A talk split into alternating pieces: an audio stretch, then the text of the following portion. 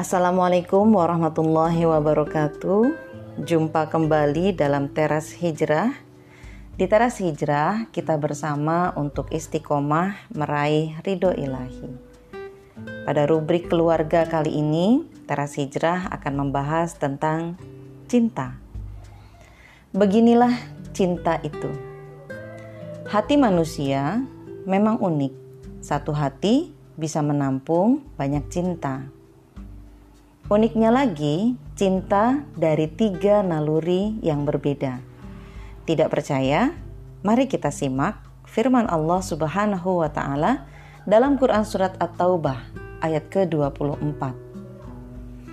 Katakanlah, jika bapak-bapak kamu, anak-anak kamu, saudara-saudara kamu, istri-istri kamu, keluarga kamu, serta harta yang kalian kumpulkan dan perniagaan yang kalian khawatirkan kerugiannya, serta rumah-rumah yang kalian sukai, lebih kalian cintai ketimbang Allah, Rasulnya, serta jihad di jalannya, maka tunggulah hingga Allah memenangkan urusannya Allah tidak akan memberikan petunjuk kepada orang yang fasik. Mencintai bapak, anak, saudara, istri, dan keluarga adalah cinta yang lahir dari naluri seksual atau gorizatun nau. Sedangkan mencintai harta, perniagaan, dan rumah mewah adalah cinta yang lahir dari naluri mempertahankan diri atau gorizatul bako. Adapun mencintai Allah dan Rasulnya dan berjihad di jalan Allah adalah cinta yang lahir dari naluri beragama atau gorizatut tadayun. Cinta itu sendiri sebenarnya adalah buah dari khasiat yang Allah ciptakan pada setiap naluri manusia. Khasiat ini muncul karena ada stimulus dari luar, baik berupa fakta maupun pemikiran. Cinta itu bisa datang dan pergi, tergantung pada dua stimulus ini. Mencintai bapak, anak, saudara, istri, dan keluarga ketika semuanya itu masih ada. Ketika sudah tidak ada, maka cinta kepada mereka tinggallah kenangan. Begitu juga cinta kepada harta, perniagaan, dan rumah mewah juga ketika semuanya masih ada. Ketika semuanya tiada, maka ia pun akan musnah. Ini cinta yang dibangkitkan oleh fakta. Tetapi, meski fakta sudah tidak ada, kenangan di dalam pikiran kita tentang bapak, anak, istri, saudara, dan keluarga tetap bisa membangkitkan cinta. Begitu juga fakta tentang harta, perniagaan, dan rumah mewah, meskipun telah tiada, tetapi kenangan, pemikiran tentang semuanya itu bisa membangkitkan kembali cinta kepadanya. Begitulah khasiat yang diberikan oleh Allah kepada naluri manusia. Cinta kita kepada Allah Subhanahu wa taala dan Nabi Shallallahu alaihi wasallam adalah cinta yang lahir dari naluri beragama atau gorizatut tadayun. Cinta ini lahir karena dua stimulus yang sama, fakta dan pemikiran. Karena itu, kuat dan tidaknya cinta kita kepada Allah dan Rasulnya sesungguhnya bergantung pada kuat dan tidaknya interaksi kita dengannya.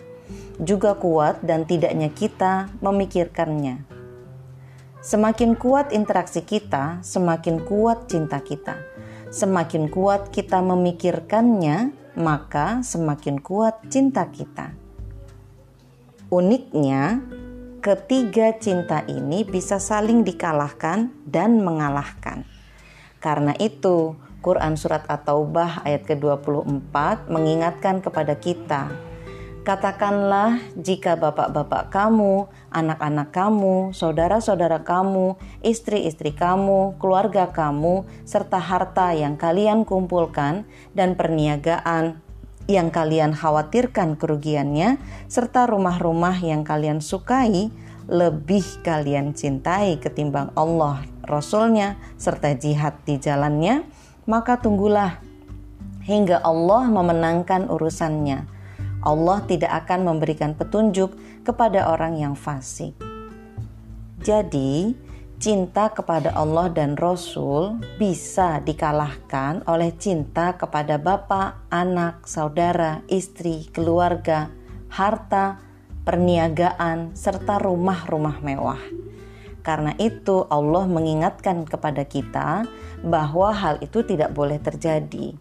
Sebaliknya, semua cinta tadi harus dikalahkan oleh cinta kepada Allah dan Rasul-Nya.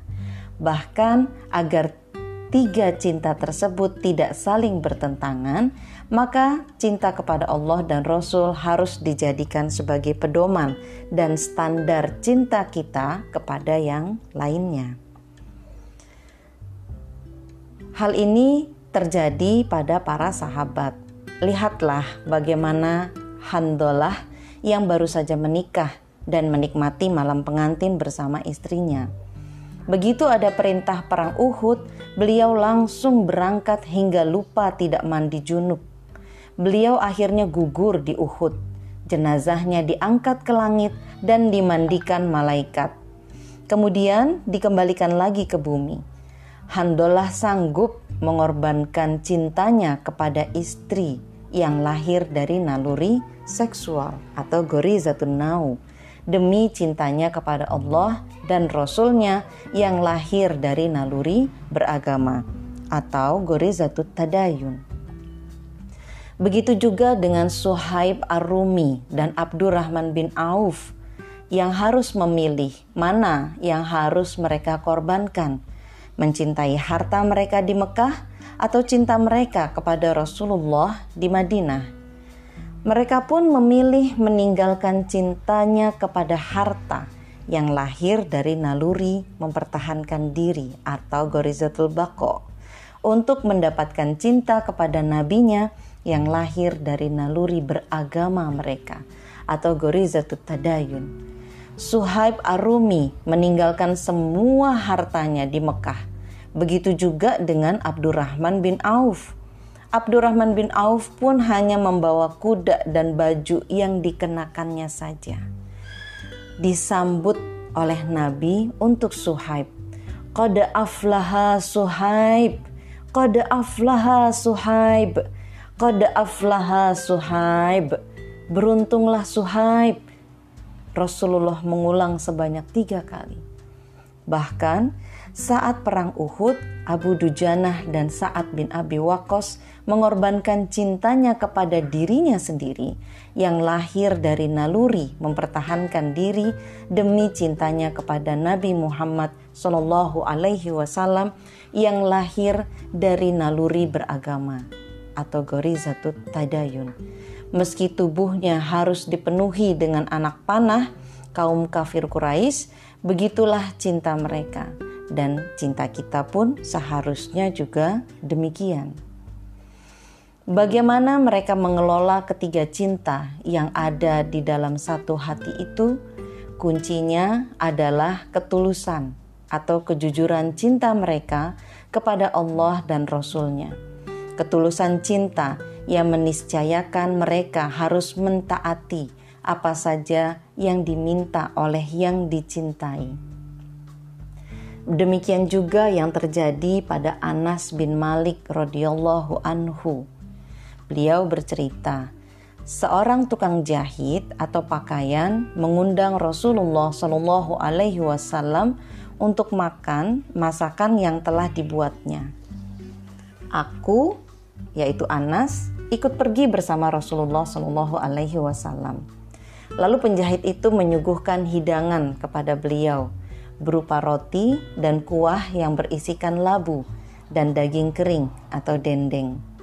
Anas berkata, Aku melihat Rasulullah Shallallahu Alaihi Wasallam mengambil labu dari pinggir nampan. Sejak saat itu, aku senantiasa menyukai labu. Sahih Muslim. Hadis ini, walaupun menceritakan kejadian yang sederhana, namun memberi pelajaran kepada kita akan cinta yang tulus dan luar biasa. sebagaimana cintanya Nabi Shallallahu Alaihi Wasallam kepada umatnya tanpa membedakan kaya atau miskinnya. Kemudian beliau selalu memenuhi undangan walaupun pengundangnya bukanlah orang yang kaya, hanya seorang tukang jahit. Makanan yang dihidangkan pun sederhana, yaitu roti, labu, dan daging yang sudah disimpan lama dengan cara dikeringkan di bawah terik matahari. Sementara orang kaya biasa masak daging yang masih segar. Hadis ini juga menunjukkan bagaimana cintanya para sahabat kepada Nabi Shallallahu Alaihi Wasallam. Kesederhanaan tidak menghalangi penjahit tersebut untuk mengundang makan orang yang dicintainya juga mengajarkan kepada kita bahwa kecintaan yang sejati adalah dengan mencintai apa yang dicintai oleh kekasihnya.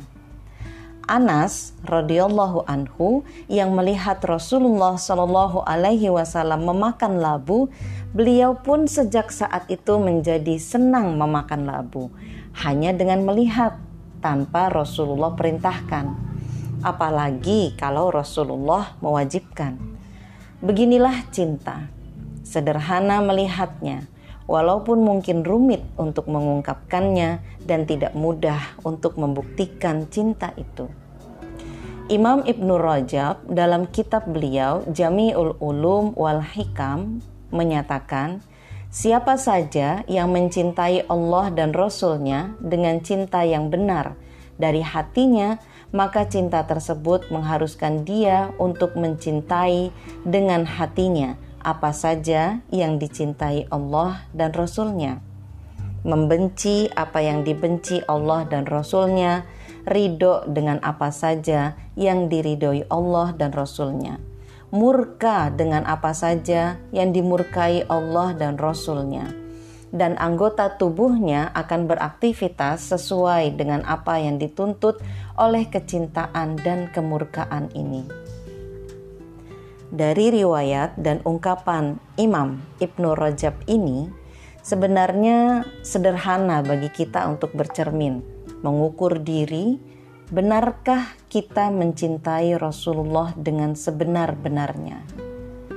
Para sahabat mereka begitu mencintai apa yang ada dari Rasulullah. Bukan hanya ajaran yang wajib yang mereka kerjakan, namun hal yang mubah atau perkara yang boleh pun jika itu dilakukan Rasulullah dan bukan kekhususan beliau, maka akan mereka junjung tinggi. Beginilah cinta yang hakiki, akan mencinta, mengikuti, serta mencintai apa saja dari yang dicintai. Jika ada terbersit dalam hati kita kebencian terhadap ajaran Nabi Shallallahu Alaihi Wasallam, tidak suka dengan orang yang meniru Nabi Shallallahu Alaihi Wasallam, baik dalam cara mereka berpakaian, cara mereka makan, berjalan, dan hal yang tidak wajib. Namun, ada riwayat bahwa Nabi melakukannya, maka patut dipertanyakan: betulkah kita mencintai beliau Shallallahu Alaihi Wasallam itu untuk hal yang tidak wajib. Apalagi jika membenci apa-apa yang diwajibkan Allah Subhanahu wa Ta'ala, menolak atau memandang remeh hukum syariah yang karenanya lah Rasulullah diutus mengkriminalisasikan khilafah sistem yang akan mengejawantahkan jalan hidup Rasulullah Shallallahu Alaihi Wasallam jika ini terjadi, bukankah syair Imam Syafi'i menjadi cocok untuk diri kita? Bunyi syairnya, engkau bermaksiat kepada Tuhan, namun engkau menampakkan kecintaan kepadanya. Ini adalah hal yang mustahil terjadi. Jikalau cintamu benar, tentulah kau akan mentaatinya, sebab sang pencinta itu tunduk dan patuh terhadap yang dicinta jika kita tidak mampu menuruti secara sempurna siapa yang kita cintai, minimal kita harus berusaha memunculkan rasa senang terhadap apa yang diajarkannya, bukan malah membencinya. Andai saja cintamu benar, maka kamu pasti mentaatinya. Karena orang yang mencintai itu sangat mentaati orang yang dicintainya. Itulah ungkapan Imam Syafi'i menggambarkan hakikat cinta dan ketaatan. Menggambarkan ketaatan sebagai manifestasi cinta. Tanpa ketaatan kepada yang kita cintai, maka cinta kita tidak bisa dibuktikan. Begitulah hubungan kita dengan Allah Subhanahu wa taala. Dan begitu pula hubungan kita dengan Nabi Muhammad sallallahu alaihi wasallam. Ketika kita menyatakan cinta kepada Allah dan Rasulnya, maka bukti cinta kita kepada keduanya adalah dengan mentaati keduanya. Tanpa bukti ketaatan kepada keduanya, mustahil kita mengatakan cinta kepadanya Ungkapan Imam Syafi'i ini sekaligus menjadi pedoman dan standar kita menilai siapa saja yang tidak mentaati Allah dan Rasul-Nya, maka dia pasti tidak mencintainya. Sebaliknya, siapa saja yang mentaati keduanya dengan menerapkan syariatnya secara kafah, pasti dia mencintainya. Dengan mencintainya, kita kelak akan dipertemukan dengannya di dalam surganya. Amin ya robbal alamin. Demikian pembahasan di teras hijrah kali ini. Sampai jumpa pada rubrik yang lain di teras hijrah. Bilahi taufiq wal hidayah. Assalamualaikum warahmatullahi wabarakatuh.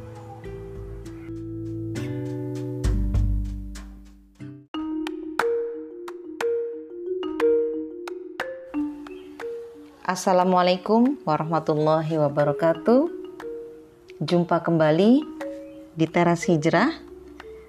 Di Teras Hijrah bersama kita istiqomah untuk meraih ridho ilahi. Kali ini Teras Hijrah akan membahas satu tema tentang untung yang berujung kerugian. Tidak seorang pun yang ingin rugi dalam hidupnya. Berbagai upaya akan dilakukan untuk memperoleh keuntungan. Islam telah menjelaskan bahwa tidak setiap cara yang sepertinya menguntungkan benar-benar menguntungkan secara hakiki. Setiap cara yang haram, walaupun kelihatan bisa memberikan keuntungan yang berlipat ganda, namun secara hakiki merupakan racun yang secara pasti akan mendatangkan kerugian cepat ataupun lambat. Riba misalnya. Walaupun secara hitungan matematis akan menguntungkan, namun Allah Subhanahu wa taala, zat yang Maha Tahu, menyatakan bahwa riba adalah salah satu sumber kerusakan. Allah Subhanahu wa taala berfirman dalam Quran surat Al-Baqarah 276. Allah memusnahkan riba dan menyuburkan sedekah dan Allah tidak menyukai setiap orang yang tetap dalam kekafiran dan selalu berbuat dosa. Sahabat teras hijrah, ayat ini menegaskan bahwa Allah akan memusnahkan harta riba dan harta yang bercampur dengan riba atau meniadakan keberkahannya. Rasulullah Shallallahu Alaihi Wasallam juga menyatakan, sesungguhnya harta riba walaupun banyak jumlahnya pada akhirnya akan menjadi sedikit. Hadis riwayat Ahmad atau Brani, Al-Hakim dan dihasankan oleh Ibnu Hajar. Riba di samping menghancurkan ekonomi individu, juga menghancurkan ekonomi sebuah negara. Negara yang Allah ciptakan dengan kekayaan yang melimpah, dengan perkiraan kekayaannya bisa mencapai 200 ribu triliun, saat ini, saat memakai sistem ekonomi kapitalisme, sistem yang tidak bisa lepas dari riba, telah menjadikannya terlilit hutang yang cukup besar. Hingga akhir Juli 2015 total hutang pemerintah mencapai 2.911,41 triliun. Di tahun 2016 untuk pembayaran bunga ribanya saja direncanakan sebesar 183.429 triliun. Itu data tahun 2016. Data tahun ini lebih besar dari itu. Di samping riba, goben fahish atau penipuan harga, tadlis, penipuan barang atau alat tukar, ihtikar, penipuan dari berbagai aktivitas haram lainnya Walaupun sekilas akan menguntungkan pelakunya, namun pasti akan menjadikan bangkrutnya bisnis mereka. Minimal hilangnya berkah usaha mereka. Hartanya melimpah, namun dia tidak mendapatkan ketenangan dari harta tersebut, atau dia diberi penyakit yang menjadikannya tidak bisa menikmati harta yang melimpah itu. Imam Ahmad menceritakan dalam musnadnya dari Faruh maulanya Utsman bahwa Umar pada saat menjadi Amirul Mukminin dia keluar menuju masjid kemudian melihat makanan berserakan. Maka dia bertanya, "Makanan apa ini?" Mereka menjawab, "Makanan yang didatangkan kepada kami." Maka dia berkata, "Semoga Allah memberkahi makanan ini." Dan orang yang mendatangkannya. Kemudian ada yang berkata, "Wahai Amirul Mukminin, makanan itu telah ditimbun." Umar bertanya, "Siapa yang telah menimbunnya?" Mereka menjawab, "Faruh, Maula Usman, dan Fulan, Maulanya Umar." Maka Umar mengutus utusan untuk memanggil keduanya. Kemudian dia berkata, apa yang mendorong kalian berdua untuk menimbun makanan kaum muslimin? Keduanya menjawab, Wahai Amirul Mukminin, kami membeli dengan harta kami dan menjual dengan usaha kami. Maka Umar menjawab, Aku mendengar Rasulullah Shallallahu Alaihi Wasallam bersabda, Barang siapa menimbun harta muslimin, maka Allah akan menimpakan kepadanya kebangkrutan atau penyakit kusta. Maka Faruh ketika itu berkata, "Wahai Amirul Mukminin, aku berjanji kepada Allah dan kepadamu untuk tidak akan mengulangi menimbun makanan selamanya." Adapun Maula Umar dia berkata, "Hanya saja kami membeli dengan harta kami dan menjualnya." Abu Yahya, perawi hadis berkata, "Maka sungguh aku melihat hamba sahaya Umar terkena penyakit kusta." Yang lebih berbahaya bukan hanya di dunia. Harta haram juga akan menjadi salah satu penyebab siksaan Allah Subhanahu wa Ta'ala. Sesungguhnya tidak akan masuk surga daging yang tumbuh dari yang haram. Neraka lebih layak baginya. Hadis riwayat Ahmad dan Ad-Darimi. Sungguh saat ini, di tengah banyak jalan pintas untuk mendapatkan harta, kehati-hatian sangat diperlukan. Melakukan yang haram tidak akan menambah rizki kita, justru akan mengurangi jatah rizki halal yang Allah telah siapkan untuk kita jika kita bersabar. Sahabat teras hijrah, meninggalkan yang tidak berguna itu adalah sesuatu yang harus kita lakukan. Di antara tanda berpalingnya Allah Ta'ala dari seseorang, yaitu apabila orang itu sibuk dengan hal-hal yang tidak berguna bagi kepentingan akhiratnya. Imam Al-Hasan dari Abu Hurairah radhiyallahu anhu ia berkata, telah bersabda Rasulullah Shallallahu alaihi wasallam, sebagian dari kebaikan Islam, sebagian dari kebaikan keislaman seseorang ialah meninggalkan sesuatu yang tidak berguna baginya. Hadis riwayat At-Tirmizi dan Ibnu Majah. Hal yang tidak berguna bisa berupa perbuatan maupun perkataan. Suatu ketika, seorang sahabat meninggal dunia. Seseorang berkata, berilah kabar gembira dengan surga. Maka Rasulullah Shallallahu Alaihi Wasallam bersabda, apakah kalian tidak tahu? Mungkin ia pernah mengucapkan perkataan yang tidak mendatangkan manfaat atau bakhil terhadap sesuatu harta yang sebenarnya tidak akan berkurang jika disedekahkan. Hadis riwayat Tirmizi. Nabi Shallallahu Alaihi Wasallam bersabda, di antara tanda kebaikan Islam seseorang adalah mengurangi berbicara dalam hal yang tidak bermanfaat.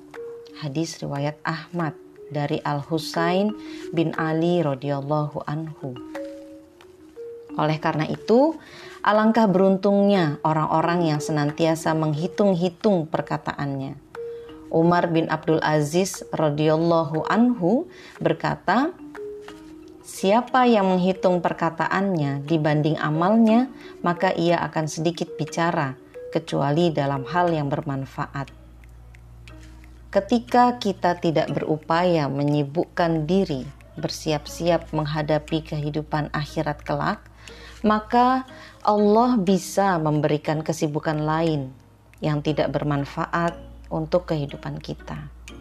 Ketika kita tidak sibuk menyerukan dakwah Islam, kita akan dibuat sibuk berbicara menyerukan yang lain.